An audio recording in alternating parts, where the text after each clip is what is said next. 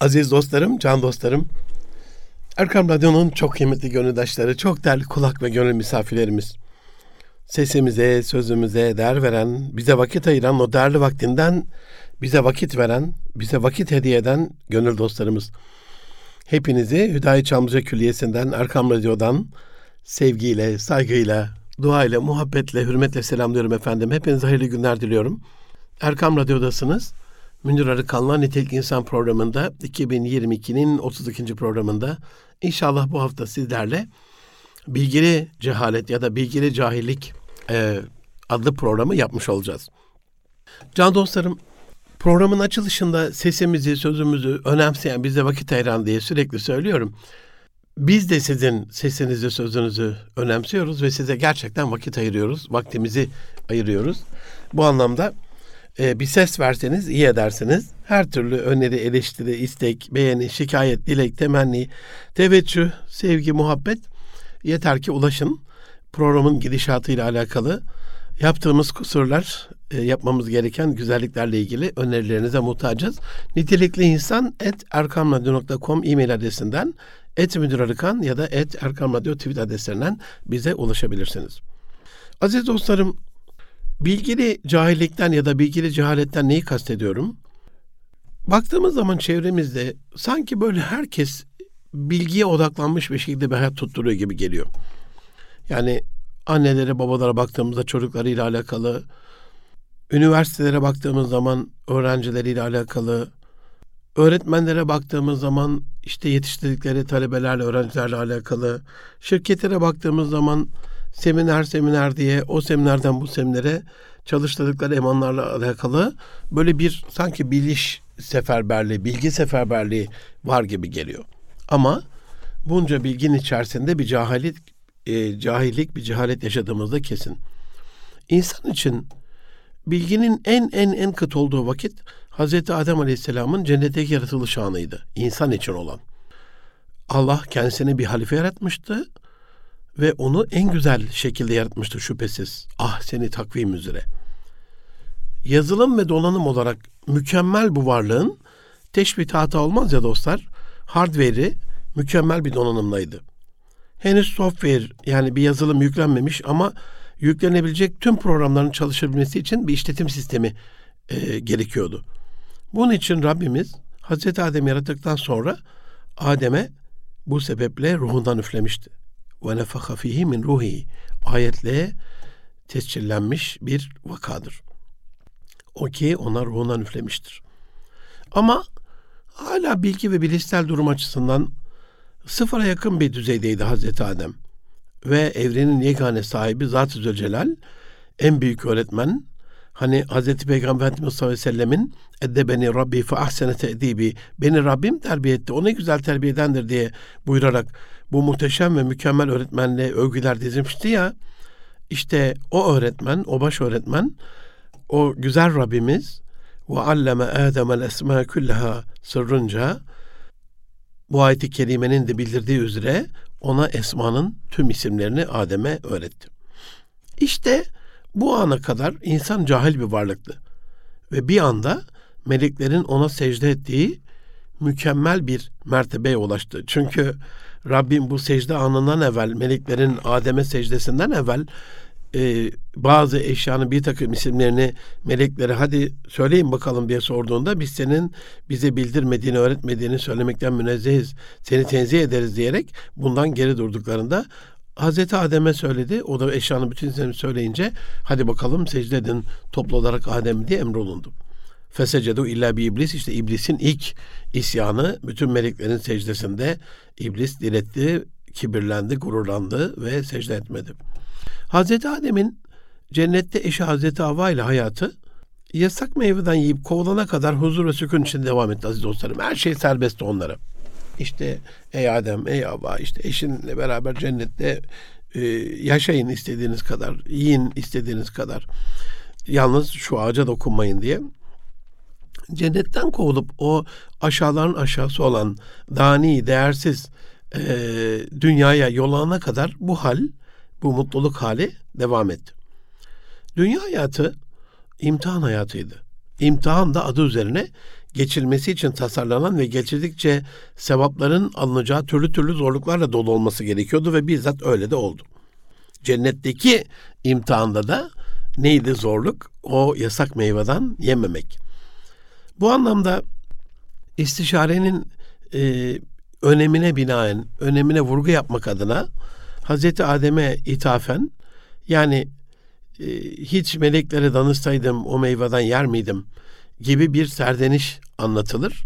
E, doğru olmasa bile hani Hazreti Adem Aleyhisselam'dan beklenebilecek bir e, cümledir. Çünkü hakikaten sadece lanetli şeytanın sözünü duyduğunda ya doğru mu acaba diye sürekli Rabbin huzurunda olan meleklerle bunu bir kontrol edip bir çek etseydi herhalde farklı olurdu sonuç.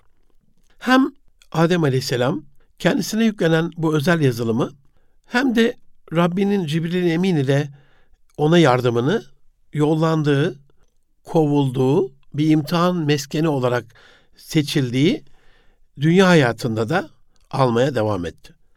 Öğrenim süreci bu şekildeydi. E, hatta bazen Rabbimizin ve Cibril-i Emin'in Rabbimiz vesilesiyle ona gönderilen o emin e, meleğin, o baş meleğin e, öğretici süreci bazen hayvanların da kullanıldığı özel eğitim süreçlerine döndü. Bazen bu anlamda hani biraz ters gibi geliyor ama hayvanların da kullanıldığı özel eğitim süreçleri de yaşandı insanlık tarihinde. Mesela biz İslami gömme şeklimizi kuş beyinli bir karganın bir arkadaşını gömmesinden çok enteresandır. Bir tarafta kuş beyinli bir karga vardır. Hani asla kuş beyinli diye küçümsemeyelim diye geçen hafta anlattım. Ama hani söylediğimiz odur e, o anlamda tespitimiz. Bir tarafta da katil olan Kabil vardır. Yani bir tarafta çok aciz bir hayvan, öbür tarafta çok günahkar bir insan, bir katil ama ayet-i kerimenin tecellisiyle فَبَعَصَ اللّٰهُ غُرَابًا يَبْحَزُ فِي الْاَرْضِ لِيُرِيهُ كَيْفَ سُوَارِ سَوَتَ أَخِيهِ Ona ve Rabbin bir karga gönderdi. Kime? Kabil'e. Ne yapıyordu Kabil?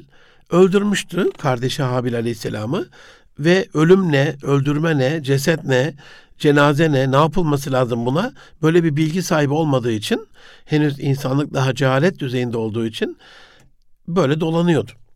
Ve yerde kendi arkadaşının cesedini gömen o kuzgunu görünce, o kargayı görünce yazıklar olsun bana dedi. Şu kuş kadar bile olamadım. İşte İslami gömme şekli öyle başladı. Günümüz bilim dünyasında biomimicry engineering dedikleri biyomimikri mühendisliği adı ile kendine özel bir mühendislik dalı bile oluşturan bu öğrenme şekli tabiattan ve canlılardan örnek alarak öğrenmeyi ve bu anlamda Rabbi modelleyerek onun yaratıklarından ibret ve ilham alarak inovatif yenilikler geliştirmeyi amaçlar. Ve bence bu yüzyılın zirve mühendislik, zirve bilim dalı da bu olacaktır. İnsanın aziz dostlarım öğrenme süreci içindeki merak, heyecan, ilerleme arzusu ile de birleşince inanılmaz bir seviyeye çıktı. Yüz bin yıllık olduğunu bir şekilde tahmin ettiğimiz şu kısa insanlık tarihindeki çok kısa olmasını evrenin Big Bang'den kun feyekun emrinden bu yana 13.7 milyar yıl geçmesinden, dünyanın yaklaşık 5 milyar yaşında olmasından kıyas ederek anlayabiliyoruz. İnsanın öğrenme imkanları son 300 yıla kadar şöyle yakın tarihi şöyle bir gözümüzün önünden geçirirsek ve onu bugünle kıyaslarsak, bugünlerle kıyaslarsak neredeyse yüzde bir seviyesinde kalacaktır. Yani 100 bin yıllık insanlık tarihinde son 300 yılı saymazsak aldığı, topladığı, derlediği, öğrendiği bütün bilgiler o koskoca insanlık tarihinde çok güdük bir şekilde, çok cılız bir şekilde e, yüzde bir e, mesabesinde kalacaktır. 99.700 yıl 99 bin yani inanılmaz. 2022 yılındayız. Hz. İsa Efendimiz'den bu yana hani 2022 yıl geçmiş o, yani bin yıl diyoruz yani işte yüz yıl diyoruz değil mi Osmanlı'dan bu yana yani çok büyütüyoruz ama hani o e, 99.700 yılda sadece yüzde birini üretmiş. Son 300 yılda da insanlık tarihinin tüm gelişmelerin yüzde 99'u e, üretilmiş. Bunun yüzde 90'ı da bilim insanlarına göre son 50 yılda olmuş. 300 yıl öncesini düşünün aziz dostlarım mesela. Bir kitaba, bir bilgiye ulaşmanın tek yolu onu yazacak bir hatata ulaşmak olduğu kısıtlı günleri, kısıtlı yılları, kısıtlı dönemleri düşünün. Ya önünüzdeki seçenek ne olabilir? Ya 6 ay bekleyip hatata sipariş verdiğiniz o yazdırdığınız kitabı kendinize bir kitap yazdıracaktınız. Onu alıp okuyacaktınız. Ya da birisinin alıp okuduğu kitabı büyük bir bedel ödeyerek satın alıp okuyacaktınız. Çünkü o zamanlarda bilginin kıt ve kaynakların kısıt olduğu dönemlerde kitaba sadece alimler sahip olurdu. Alimler de kitabı bir evlat belledikleri için, bildikleri için kitaplarını canları bağısına korur ve asla bir başkasına vermezlerdi. Dolayısıyla hani bir kitaba ulaşma imkanınız ancak paranız olup da hatta yazdıracaksanız olabilirdi. Bir geçici kitaba sahip olma durumu da zilliyetlik adına vardı.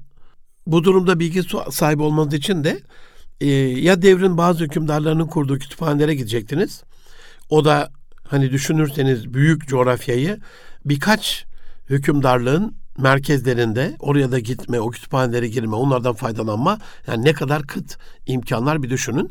Ya da o kitaplardan nasiplenen alimlerin ilim meclisine, irfan meclisine, ilim halkasına katılıp bilgi alacaktınız. Yani bilginin kitapla, mekanla, dönemle, zamanla, kişiyle alakası bu düzeydeydi. Bir de bilginin üretim hızına bir bakalım isterseniz can dostlarım.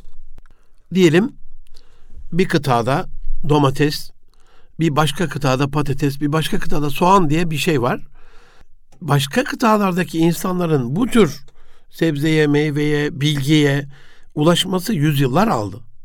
Yani Çin'in milattan önce 2600 yıllarda bulduğu ipek batıya ancak milattan sonra 300 yıllarda 700 700 yıl sonra gelebildi. Yani bugün 7 dakika bile sürmüyor. Amerika'da bir öğrenci bir ders çalışma tekniği bulsun. Kanada'da bir öğretmen e, yeni bir öğrenme tekniği bulsun. İsviçre'de bir bilim insanı bir araştırmada bir beslenme şekli bulsun. İsrail'de Tel Aviv Üniversitesi insan genetiği ile alakalı e, yeni bir bilgiye ulaşsın. E, ya da Çin'de e, yeni bir üretim şekli icat edilsin. Japonya'da e, yeni bir ürün ortaya konsun. Yani 7 dakika sürmüyor dünyanın bütün bunlardan haberdar olması. Artık savaşları bile online canlı izliyoruz biliyorsunuz. İşte o dönemde böylesine zor, zahmetli ve kıtlık dönemlerinde bile insanların bilgiyi öğrenme azmi çok fazlaydı. Bilgi kıt ama azim çok yüksekti. Ama geçmiş yüzyıllarda son yüzyılda şahit olmadığımız, görmediğimiz iki önemli özellik daha vardı can dostlarım. O da bilgiyi bir başkasına öğretme azmiyle dop doluydu insanlar ve bilgiyi kullanma erdemiyle çepeçevre kuşanmış durumdalardı. İşte bu sebeple bilginin kıt olduğu, imkanların kıt olduğu, öğrenmenin zor olduğu geçmiş yüzyıllarda bilginin erdemiyle insanlığı değiştirmesi ve ışığıyla önlerini aydınlatması çok daha kolay oluyordu. Şimdi bilgi çok. Hem de o kadar çok ki o bilgi yığınları içerisinde veri madenciliği diye ürettiğimiz bilgi çöpünde, bilgi çöplüğünde bize data mining yani veri madenciliği yapacak özel mühendisler ve uzmanlar tutmamız gerekiyor. Şimdi bilgi o kadar çok ki hangi web sitesinde, hangi portalda, hangi kütüphanede, hangi bilgiye, hangi uzmandan, hangi yazardan, hangi alimden, hangi ulemadan ne şekilde alacağız diye özel uzmanlar tutmamız gerekiyor. Şimdi bilgi o kadar çok ki insan beyninin algılayamayacağı ve yönetemeyeceği boyuttaki dev bilgiyi ancak yapay zeka ile analiz edip içselleştirebiliyoruz. Şimdi bilgi o kadar çok ki Artık dünya bile o bilginin depolanmasına yetmez oldu. Bu sebeple bilgiyi uzaya çıkarttık. Artık bilgilerimiz bulutlara yüklü. Ve yakın bir gelecekte bulut teknolojileri alışverişten eğitime, sağlıktan yönetime ve asayişe kadar her alanda kendini göstermiş olacak. Peki derdimiz ne? Nedendir bunca bilgi içerisinde yaşadığımız şu cahillik? Okul üstüne okul yapıyoruz. Kitap üstüne kitap yazıyoruz. Her ilde üniversiteler yetmedi. Online üniversite, distance learning, uzaktan öğrenme, home education, evde okul bir sürü destekleyici sistemlerle eğitimin imdadına yetişiyoruz. World Wide Web www keşfinin 40. yılında bu teknoloji onu bulanların bile inanamayacağı bir seviyeye ulaşmış durumda.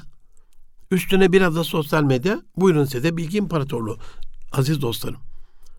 Her gün hani 8 milyara yakın insan var. Bunun 5 milyara yakın insanı internette. 3 milyara yakın insan Facebook'ta, 2,5 milyar insan YouTube'da, 2 milyar insan WhatsApp'ta anlık mesajlaşmada bilgiyi paylaşmakta. Dünya insanların hani ortalama neredeyse 3-5 saati sosyal medyada geçiyor. Yani en büyük uğraşımız nerede çalışıyorsun? Sosyal medyada desek yalan olmaz. İnsanlık tarihi boyunca düşünsenize günlük 3-5 saat harcadığımız böylesine yüksek motivasyonla bilgi peşinde olduğumuz bir süreç ne zaman yaşandı? Hani bir insan günde bir saatin iki saatini verdiğinde allame oluyordu yani. 2-3 saatlik bir çabayla yeni bir dil öğreniyordu. Peki gelişim ne durumda? Hani bunca bilginin içerisinde, çevrece kuşatıldığımız bilginin içerisinde gelişim durumumuz nece? Gelişim o kadar da iç açıcı görünmüyor aziz dostlarım. Bilginin üretimine baktığımızda mesela iki buçuk milyar kişi YouTube kullanıyor dedik.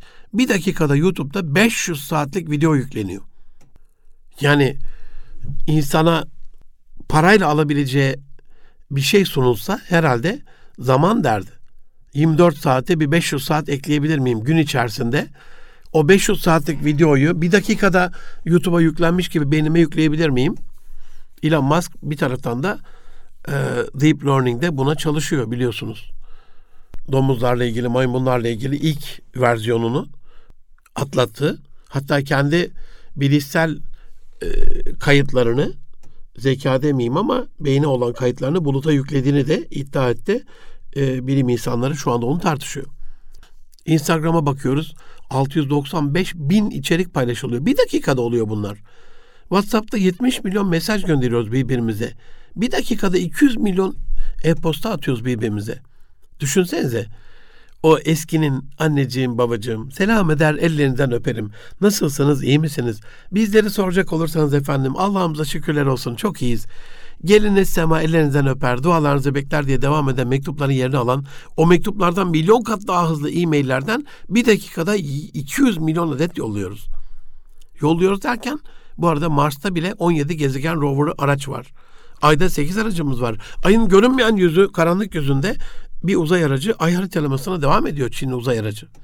20 yıl, 35 ülke, 40 bin mühendis, 20 milyar dolar harcanarak bütün dünyanın ortak çabasıyla üretilen dünyanın 1 milyon kilometre ötesinde başarıyla ona yapay bir uydu gibi yörüngeye oturtulan James Webb Uzay Teleskobu yörüngeden inanılmaz görüntüler gönderiyor bize, videolar gönderiyor. Milyarlarca ışık yıl uzaktan inanılmaz görüntüleri sanki bir zaman makinesinde time machine gerçek olmuşçasına bize 13.7 milyar ışık yılı öteden evrenin yaratılış anından 200-300 milyon yıl sonra neler olduğuna dair görüntüler gönderiyor. Bunca görüntü geliyor, bunca bilgi geliyor, bunca datayı alıyoruz da ne oluyor derseniz işte burada biraz yandı gülüm keten elva.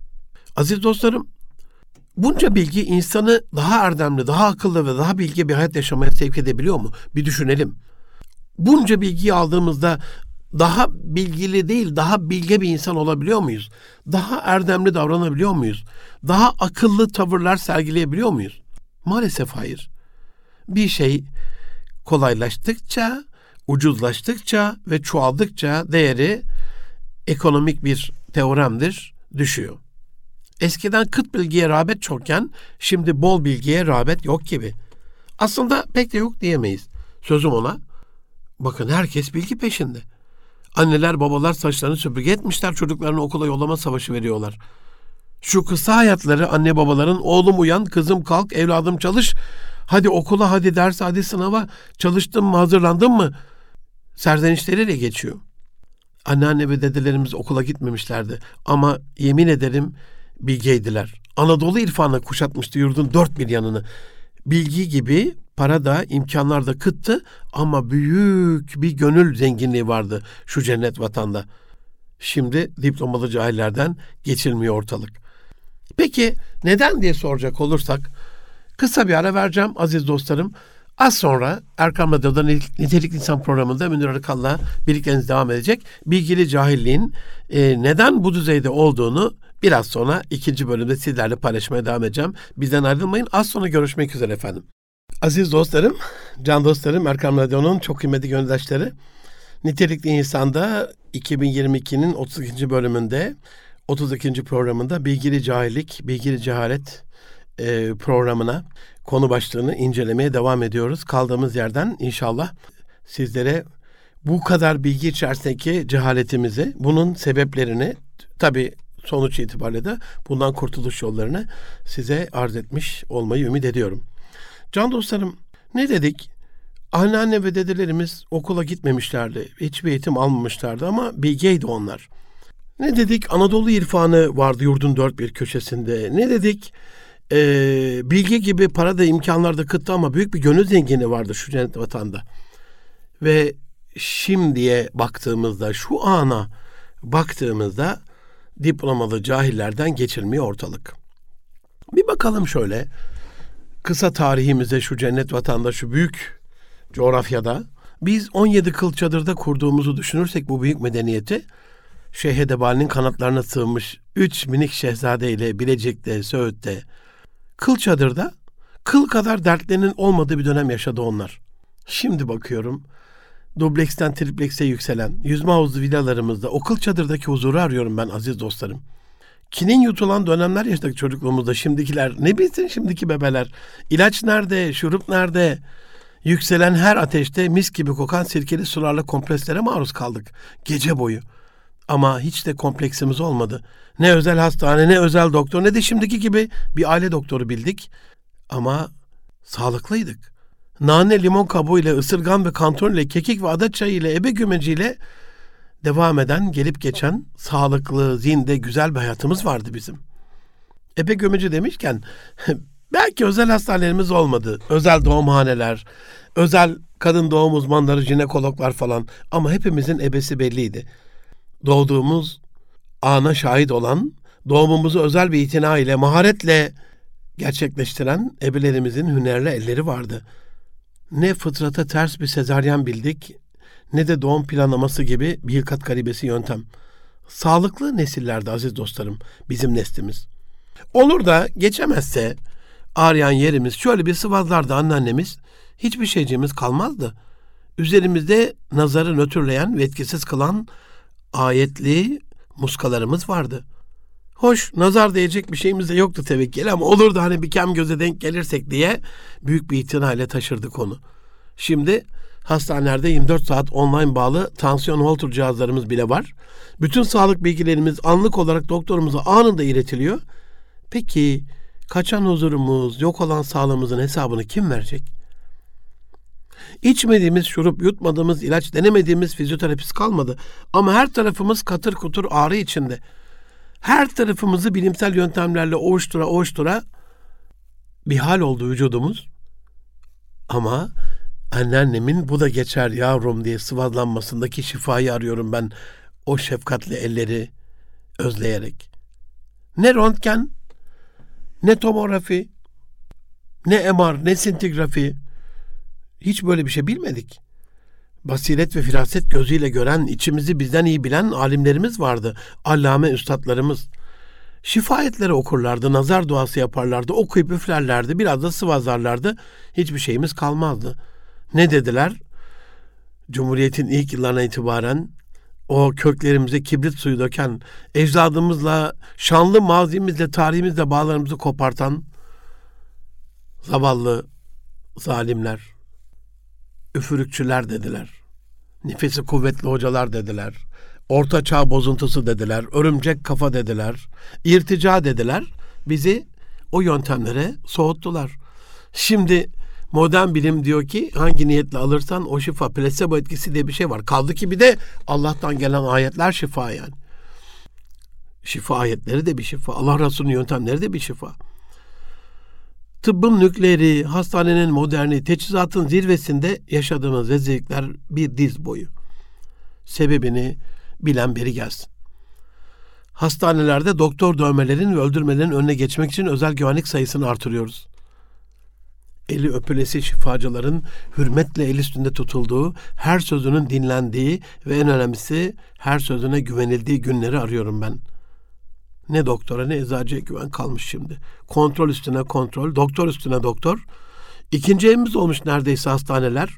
Hasta haneleri değil, musiki ile, su ile, meşguliyet terapisiyle delilerini bile tedavi ettiğimiz şifahaneleri arıyorum ben. At sırtında, affedersiniz eşek sırtında geçti hayatımız. Biraz daha eskiler kanı ile gidermiş ama biz fayton dönemine denk geldik aziz dostlarım. Ayakları ne olmuş ki? Hani fayton bile lükstü bizim çocukluğumuzda. Bir yerden bir yere gidilecekse yürü babam ayakları ne güne durur. Ayak derken ayağa girecek ayakkabının bulunmadığı dönemlerde bizimkiler inanın. Lastik cizlavetler, mesler, çarıklarla geçti çocukluğumuz. Ayakkabı. O da alınırsa bayramlık bir hediyeydi. İtibarlı bir hediyeydi. Kallavi bir hediyeydi. O kadar nadir olurdu ki çocukluğumuzda bu olay. Olur da alınırsa tüm çocuklar arefe günleri onu başucuna koyar. Yastığının yanında onunla sabahlar. Gözlerine uyku girmeyen gecelerde arada bir uyanıp öper, sever, koklar da ayakkabıyı. Şimdi envai çeşidi çıkan şu ayakkabı bolluğunda ayağına ya da o ayağında ayakkabısı olduğuna bizim o arefelerde gece boyu süren sevincimiz gibi sevinen çocukluğumu arıyorum ben. Ayakkabı dersen en güzelinden, bindiği araba dersen en lüksünden ama bakışları silik, gözlerinin feri sönük, duyguları donuk, omuzları yıkık, başı eğik çocukları görüyorum ben. Fatih Sultan Mehmet'in binme şansına sahip olmadığı o muhteşem arabalarda silik ve sönük ve donuk bir hayat yaşıyorlar. Tatminsiz, doyumsuz. Eski alimler bilgisayar ve internet şansına sahip olsalardı ilmin durumu neçe olurdu diye düşünmeden edemiyorum. İlmin seviyesi neçe olurdu acep diye düşünmekten kendimi alamıyorum. Kağıdın bile bulunmadığı dönemlerde sahip olduğu ilmi bir kumaş parçasına, bir mağara duvarına, bir kemik parçasına yazarak geçecek gelecek kuşaklara taşıma azmini arıyorum ben. İlme olan hürmeti, sevgiyi, saygıyı, rabıtayı. Çocukluğumuzun klasiklerindendir. Her çocuk benim dönemimde bunu yaşamıştır. Yerde bir parça kağıt görsek hemen alır itinayla yüksekçe bir duvar deline sıkıştırırdık. Üzerinde Arapça yazılar vardı çünkü. Kur'an'dır diye. Hani Arapça ise Kur'an'dır. Biz hani Kur'an'ı okumayı bilmiyoruz ya. O küçüklüğümüzün şeylerinde. Yıllar sonra tütün kağıdı olduğunu öğrendik o ince kağıtların. Ama geçmişte de saygıda kusur etmedik. Şimdi şu cennet vatanın okullarında Kur'an-ı Kerim'e haşa haşa rövaşata çeken çocuklarımızı gördük. El Aziz Harput Camii'nde Cumhuriyet'in ilk yıllarında zalim ve katil asker bozuntularının camiyi basıp dağ gibi dizikleri Kur'an-ı Kerimleri gaz yağıyla ateşe vermesini cehenneme düşmüşçesine bir gönül yangınıyla izleyip ateşin içine dalıp ilk 16 sayfası yanan bir musafı kurtararak ona canı gibi bakan rahmet olsun Elazığlı Hafız Abdullah Nazırlı'nın Kur'an'a olan aşkını, hürmetini, saygısını, bağlılığını arıyorum ben. Her tarafta Kur'an-ı Kerim var. İsterseniz telefonunuza yüklü, isterseniz duvarınıza çerçeve, isterseniz başucunuzda okuyanı, hele hele okuduğuyla amil olanı, onunla amel edeni gören beri gelsin. Okullarda Kur'an dersi, siyer dersi koymak elbette güzel bir hizmet. Ama ilme ve dine olan aşkı kaybettikten sonra, muhabbeti kaybettikten sonra her ders bir ömür törpüsüne dönüyor. Öğrencinin ilmi talip diye anıldığı, ilmi bizzat talep ettiği o geçmiş zaman olur ki hayali cihan eden muallimine olan sevgisinin, saygısının, hürmetinin, edebinin zirvede olduğu allame yıllarını arıyorum ben. Evet, arabalarımız atlardan, eşekler hızlı ama o at ve eşekle faytonla konu komşuya, akrabaya daha fazla gittiğimiz de bir gerçek arabanın, uçağın, hatta Mars'a gidilecek füzelerin bile yapıldığı günümüzde üst kattaki komşuya, biraz ilerideki ısım akrabaya gidişlerde bir sorun varsa bunda gelişmişlik ve ilmin bize getirdiği bu son durakta bir sorun var demektir. İnecek var demektir bu duraktan. Her şeyin diploma yani etiket olduğu, göstermenin, gösterişin, riyanın, kibrin, gururun zirve yaptığı bu dönemde insanlık maalesef dip yaptı aziz dostlarım. 4 artı 4 artı 4 12. 4 de üniversite 16, 2 hazırlık de 18, master, doktora derken 20-25 yılını sözüm ona okullarda ilim peşinde üniversitede geçtiği günümüzde bir yılda gönüllerin kazanıldığı eski ilim ve irfan sofralarını arıyorum ben. Çepeçevre bir ilim deryasındayız. Amel yok, farkındalık yok, farkına varma yok. Bizden bilmem kaç milyar ışık yılı uzaktaki galaksilerin oluşumu hakkında kafa yoran bir insanlık kendi oluşumuna kafa yormayı bırakıp maymunculuk oynuyor Darwin denilen sahtekarın, şarlatanın izinde. Allah'a, İslam'a, Kur'an'a, Hazreti Peygamber'e taban tabana zıt, yaratıcısıyla kavgalı, peygamberini bilmeyen, bilse de beğenmeyen bir nesil türedi. Sözüm ona Müslümanlar arasında bile hadisleri inkar eden, peygamberi inkar eden, ilahiyat profesörler arasında bile Kur'an ayetleri dalga geçen hadsizler türedi. Şimdi hangi ilimden bahsedeyim ben? Hangi irfandan, hangi edepten bahsedeyim ben? Allah Resulü Farikanet Efendimiz sallallahu aleyhi ve sellemin zamanında gelen bir ayet-i kerimeyi hayatının direği yapmak için bugün nasıl bir ayet geldi iştiyakiyle Allah Resulü'nün o hane-i saadetine giden, onun o güzel peygamberin peşinde koşan sahabe-i güzinin ilim aşkını arıyorum ben. Asıl problem nedir biliyor musunuz can dostlarım? O dönemde birkaç ayet peş peşe gelince onlardan bir tanesi alıp diğerlerini Allah Resulüne bırakıp niye ikinci, üçüncü, dördüncü ayeti almadığını sorduklarında da bunun gerekçesi olarak bunu öğrenip hayatımızda uygulayalım. Ondan sonra gelip diğer ayeti alalım ya Resulallah diyen sahabenin masumiyeti eksik hayatımızda. Uygulama masumiyeti. Öğretmenler skorlara bakıyor. Üniversitede akademisyenler skorlara bakıyor. Şirketlerde İK'cılar, insan kıymetleri uzmanları skora bakıyor. Hep bir performans, hep bir değerlendirme, hep böyle bir verimlilik. Sanki avcı toplayıcı dönemdeki hallerine döndük atalarımızın. Ne varsa al, bilgisayarına yükle, onu beğen, bunu like'la, onu paylaş, bunu gönder, onu kaydet, aman bunu kaçırma, bunu geçici hafızaya al, bunu yedek diske yükle, bunu harcı taşınan bir belleğe al, bunu flash bellekte yanına al, yükle, kaydet, al, al, al, al. Peki ya sonra? Yüklenilen bunca yükün Allah muhafaza Kur'an-ı Azimüşşan'ın beyanındaki gibi Rabbimizin bize anlatmasındaki o netliğiyle kitap yüklü eşekler olmaktan bizi ne kurtaracak bunca ilmi uygulamıyorsak aziz dostlarım? Yüklenilen onca bilgi bizde zerre kadar bir değişiklik yaratmıyorsa, yaratmadıysa, yaratmayacaksa bu gidişatla feyne tezebun diye bağırmaktan kendimizi alamıyoruz. Nereye bu gidiş?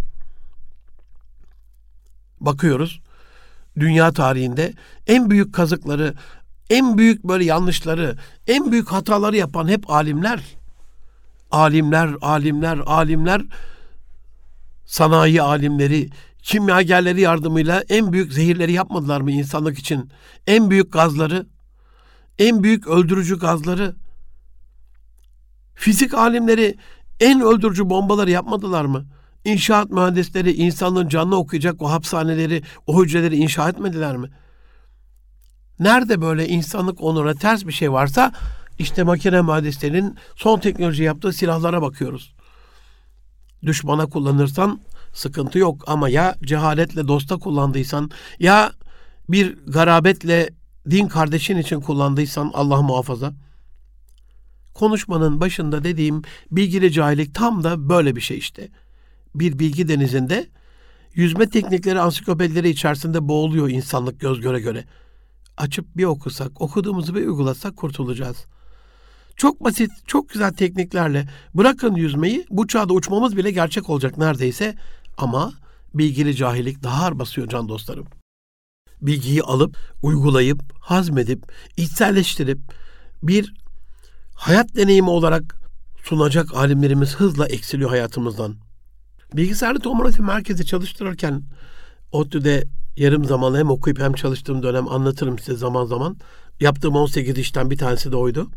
220 voltluk şehir ceryanını 240 bin volta çeviren high voltage generator tank dediğimiz yüksek voltaj dönüştürücü tanklarımız vardı. İçleri yağ dolu devasa tanklar. İçlerinde çok özel dayanıklı elektronik devreler ve kartlarla 220 volt gelen şehir elektriğini çekim anda X-ray'e yüksek enerji vermek için X-ray kafasına enerji verecek hatta yüklerlerdi. Böyle bir yükselirdi ses böyle bir yere böyle bir elektrik yük, yüklerken böyle şey yapar ya motor sesi böyle e, bas bir siren sesi gibi. Aynen öyle işte. Bunca basit, ucuz ve bol bilgi alıp insanı cezbeden, şoklayan, hakikat aleminde çarpan yüksek voltajlı enerjiye çevirecek alimlerin kıtlarını yaşıyoruz. Kıyamet alameti olsa gerek zahar. ahir zaman alameti. Bilgiyi süs için, sükse için, gösteriş için, sen ne mezunusun tacizine cevap olsun diye öğrenen, diplomaları bir sığınma kalkanı gibi, sertifikaları bir yükselme payesi gibi kullanan insanın yaşadığı bu bilgili cahillik durumundan kurtulmamız şart. Ama nasıl hocam dediğinizi duyar gibiyim. Beşikten mezara, kadın erkek herkese farz olan ilmin peşinde koşarak tabii ki aziz dostlarım. Ve bu koşmanın bir payı elde etmekle, bir makam mevki elde etmekle alakası olmaması lazım. Hiç ummadığım insanlar görüyorum. Harıl harıl çalışıyorlar. Ne yapıyorsunuz diyorum. İşte memurlarmış da bilmem ne sınavına girerlerse dereceleri biraz artacakmış. Kat sayıları biraz artacakmış. İşte bir yabancı dil daha öğrenirlerse maaşlarına ya bunun için öğrenilmez. İlim bunun için yapılmaz. Şu anda koskoca Türkiye Cumhuriyeti'nde bir Arapçayı, bir İngilizceyi, bir ne bileyim İspanyolcayı, Çinceyi, Japoncayı öğrenemeyişimizin tek sebebi nerede kullanacağımızı bilemememiz dolayısıyladır. Eğer iyi bir içine sahip olursak, hani bir yıl içinde, iki yıl içinde ya bilemediniz 12 yıllık eğitim döneminde 12 koca yıldan bahsediyorum aziz dostlarım. 350 kelimeyle konuşuyoruz şu anda size konuştuğum bu Türkçe lisanını, ana dilimizi, anamızın dilini 350 kelimeyle konuşuyoruz. Çok değil 100 yıl evvel 14-16 bin kelime arasında bir konuşma zenginliğimiz vardı sosyal hayatta. E 350'yi hadi 3 ile çarpalım bunu 1350 olsun. 1200 diyorum ortalamasını. 12 yıl. Ya yılda 100 kelime öğretemiyor muyuz? Ayda 10 kelime yapıyor aziz dostlarım. Yaklaşık olarak haftada 2 kelime yapıyor. 4 günde bir kelime yapıyor. Hadi hesabı daha da basite indireyim. Çocuklarınız 4 günde bir kelime öğrenemeyecek kadar cahil mi? Beyin özürlü mü? Zeka özürlü mü? IQ'su kıt mı? Asla, asla. Ama hani eğer bizi dinleyen eğitim gönüllülerimiz varsa Milli Eğitim Bakanlığı'nda bu işe kafa yoran gönüldaşlarımız varsa buyurun işte onlara bir hedef de vermiş olalım. 12 yıllık eğitimin sonucunda şakır şakır üniversite düzeyinde bir Amerikalıyı bile hayrete düşürecek düzeyde İngilizce konuşabilmesi lazım çocukların. E görüyoruz işte buyurun örnek var. Kartal Anadolu İmam Hatip Lisesi, Beyoğlu Anadolu İmam Hatip Lisesi. Allah bin kere razı olsun Milli Eğitim Bakan Yardımcımızdan. Kimse bunu siyaseten söylediğimi e, düşünmesin. Hiç de siyasetle alakası olan bir gönül dostumuz değildir Nazif Yılmaz Hocam. Din Eğitimi Genel Müdürlüğü'nde ondan evvelki sivil toplumdaki o Kadir Şinas faaliyetlerinin şahidiyiz. Yurt içinde, yurt dışında. Nerede bir İslami faaliyet varsa, nerede bir eğitimle alakalı bir faaliyet varsa onun içinde o bir gönül neferi olarak çabasının bilincindeyiz, farkındayız, şahidiyiz. O gönlü güzel insan ya dedi böyle olmaz. 4 yıl, 8 yıl hazırlıkla beraber 9 yıl okutuyoruz çocuklarımız. Bu dinin asıl algılanması, algıyı kolaylaştıracak lisanını, Arapçayı, Kur'an dilini, Allah Resulü'nün, peygamberlerinin konuştuğu dili konuşamıyorlar. Böyle bir şey olabilir mi? 100 yıl evvel takır takır konuşuyorduk. Şu anda Nazif Yılmaz hocamın, gönlü güzel hocalarımla Mahmut Yelek gibi Allah razı olsun Beyoğlu Anadolu Hatip'teki müdürümüz gönül koydular. Ne oluyor? Ben bakıyorum şimdi işte Katar'da yapılan yarışmada Arapça konuşan ülkeler arasında katıldıkları münazara yarışmasında bizim Türk öğrenciler birinci oluyorlar. Aziz dostlarım, şiirde birinci oluyorlar anlarım. Makalede birinci oluyorlar anlarım. Hani dramayla şiiri özdeşleştirirsin, duyguyu katarsın, coşkuyu verirsin, ezberlersin olur. Makaleyi aynı şekilde yalayıp yutarsın, ezberlersin olur. Ama münazara olmaz. Anlık cevap kabiliyeti.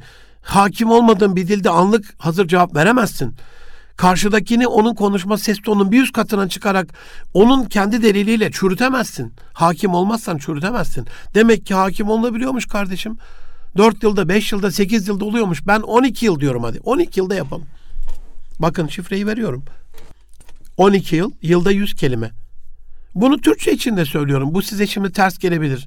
İnanın alın Türk Dil Kurumu'nun sözlüğünü fosforlu kalemlerle çizmeye başlayın. Günde 2 sayfa, 3 sayfa, 5 sayfa, 10 sayfa okumaya başlayın. Sözlük okuyarak eğer dil hazinenizi, kelime hazinenizi konuştuğunuz dille alakalı da geliştirirseniz sözünüzün, sesinizin, konuşmanızın etkisi artacaktır, cazibesi artacaktır. Dolayısıyla ilim peşinde olmanın ilk yolu kelimeden geçer. Allah'ımız haşa bu işi bilmiyor olamaz. İlk öğretmesi ve allemel adem esmakülle. Adem'e esmanın bütün isimlerini öğretmekle oldu. Kelime bilgisiyle oldu. Kelimenin yanında başka kadim e, hikmetli ilmi ledün ve hikmet ilmi de vardı. O ayrı bir şey. Allah'ın öğretmesi Allahu alem. Biz bilemeyiz onun nasıl olduğunu. Ama utlubul ime ve lebestin ilim Çin'de bile olsa alınız tavsiyesine uymadığımız zaman bilgide seçicilik şöyle olmamalı. Aa Amerikalı yapmış, işte Yahudi yapmış, yok işte e, putperest yapmış, ateşperest yapmış, işte Budist yapmış. İlimle alakalı bir yerde bir çaba varsa e, fizikti, kimyaydı, matematik, coğrafyaydı. Kaldı ki İslami ilimlerde bile bazı müsteşriklerin bizden daha fazla kafa yorduklarını e, çok çok e, iyi biliyoruz, şahit oluyoruz. En azından onların dediğinin peşinde tarif edilmiş bazı uyduruk bilgilerin peşinde gitmektense onlar kadar vaktimizi bu işe musahhar kılabiliriz. Biz de vakit ayırabiliriz. Bütün bunları yaparken bildiklerimizi hayatımıza katıp bildiğimizle amel edebiliriz aziz dostlarım. Öğrendiklerimizin zekatını başkan da öğretip ilmimizin zekatını verebiliriz.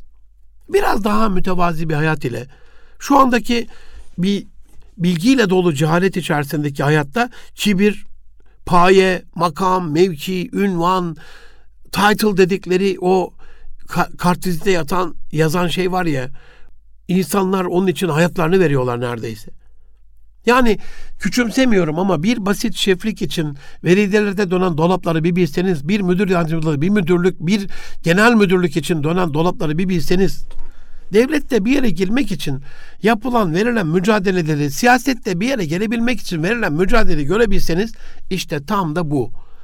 Geçmişte bu mücadele ilmin sahibi olmak için, o konuda ilme sahip olmak, birazcık ilimden nasiplenmek için veriliyordu.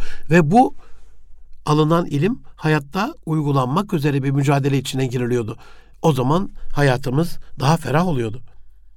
Dolayısıyla biraz daha mütevazi bir hayat ile kibrimizi yenip, nefsimizi terbiye edip, bilgiden bilgeliğe terfi ederek bu bilgili cahillik halinden kurtulabiliriz can dostlarım. Yoksa bunca bilgi içerisinde o balıklar ki derya içerler, deryayı bilmezler sözünde olduğu gibi bilgi denizinde cehaletle öleceğiz. Aman dikkat. İnsanların en hayırlısı insanlara en faydalı olandır hadis-i şerifini başımızın tacı yaptığımız bilgi ve bilgeliğimizle insanlık aleminde hakiki faydalara vesile olduğumuz nice güzel günler diliyorum hepinize. Allah'a emanet olun. Hoşça kalın can dostlarım.